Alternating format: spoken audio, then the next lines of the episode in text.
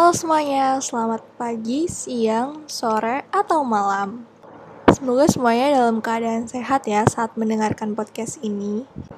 Nah, tapi belum afdol nih kalau kita belum kenalan. Jadi, kenalin dulu nama aku Diazra Medifasya, NIM 1622046 dari Sekolah Farmasi ITB 2020. Dalam kesempatan kali ini, Dias akan membahas tentang salah satu isu yang marak terjadi nih saat ini, yaitu isu mengenai hoax obat.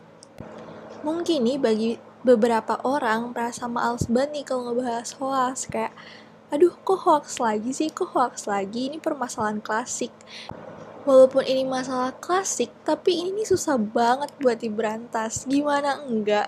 Kalau berita hoax lama udah diverifikasi atau udah diklarifikasi nih, besok-besoknya muncul lagi berita hoax tentang topik yang berbeda. Kayak rasanya kita susah banget nih mau move on dari masalah hoax. Nah, sebelumnya aku mau nanya dulu nih, kalau disinggung tentang isu hoax obat, hal yang pertama kali muncul dalam pikiran kalian tuh apa sih? Kalau aku pribadi nih, aku langsung kepikiran tentang hoax obat COVID-19. Gimana nggak kepikiran, kita udah hampir satu setengah tahun ngelawan pandemi yang nggak tahu sampai kapan ujungnya.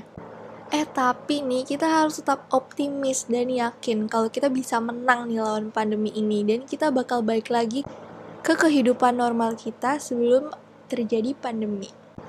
Nah, balik lagi nih ke permasalahan yang udah kita singgung sebelumnya, yaitu hoax obat. Kenapa sih kita harus aware tentang hoax obat COVID-19? Salah satu alasannya nih, karena berita hoax obat ini dapat memicu permasalahan lain. Contohnya adalah permasalahan tentang panic buying oleh masyarakat sekitar.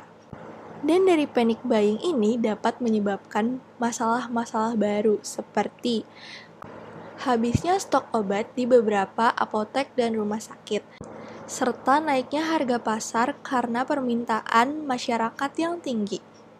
Dan gak jarang terjadi nih, sering kali orang yang benar-benar sakit dan butuh obat malah kehabisan obat.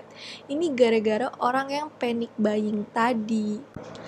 Lalu selanjutnya muncul nih pertanyaan kayak, kenapa sih orang-orang kok bisa percaya hoax? Dari hasil observasi yang udah aku lakuin di lingkungan sekitar nih, aku mendapatkan dua poin penting, yaitu ketidaktahuan masyarakat dan kurangnya edukasi. Oleh karena itu, kita sebagai mahasiswa memiliki potensi untuk memberantas hoaks-hoaks yang ada dalam masyarakat. Terlebih lagi, dengan bekal ilmu yang sudah kita pelajari, saat berkuliah kita dapat mengingatkan dan mengedukasi masyarakat. Tentunya ya dengan bahasa yang bijak dan sopan. Sebisa mungkin kita usahakan hoax tersebut berhenti di kita dan tidak menyebar ke orang lain. Langkah tersebut dapat dimulai dari lingkungan sekitar seperti keluarga maupun tetangga.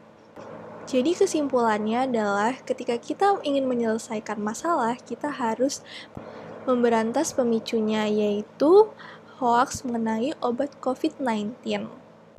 Dengan memberantas tentang berita hoax obat COVID-19 diharapkan tidak akan terjadi masalah-masalah seperti panic buying dan lain sebagainya yang sudah disebutkan sebelumnya.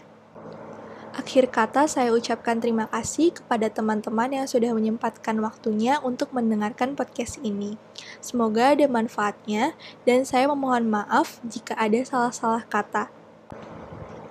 Semoga pandemi ini cepat berakhir agar kita dapat bertemu dan berkumpul di kampus kita tercinta di Ganesha nomor 10. Sekian dari saya, stay healthy in harmonia progressio.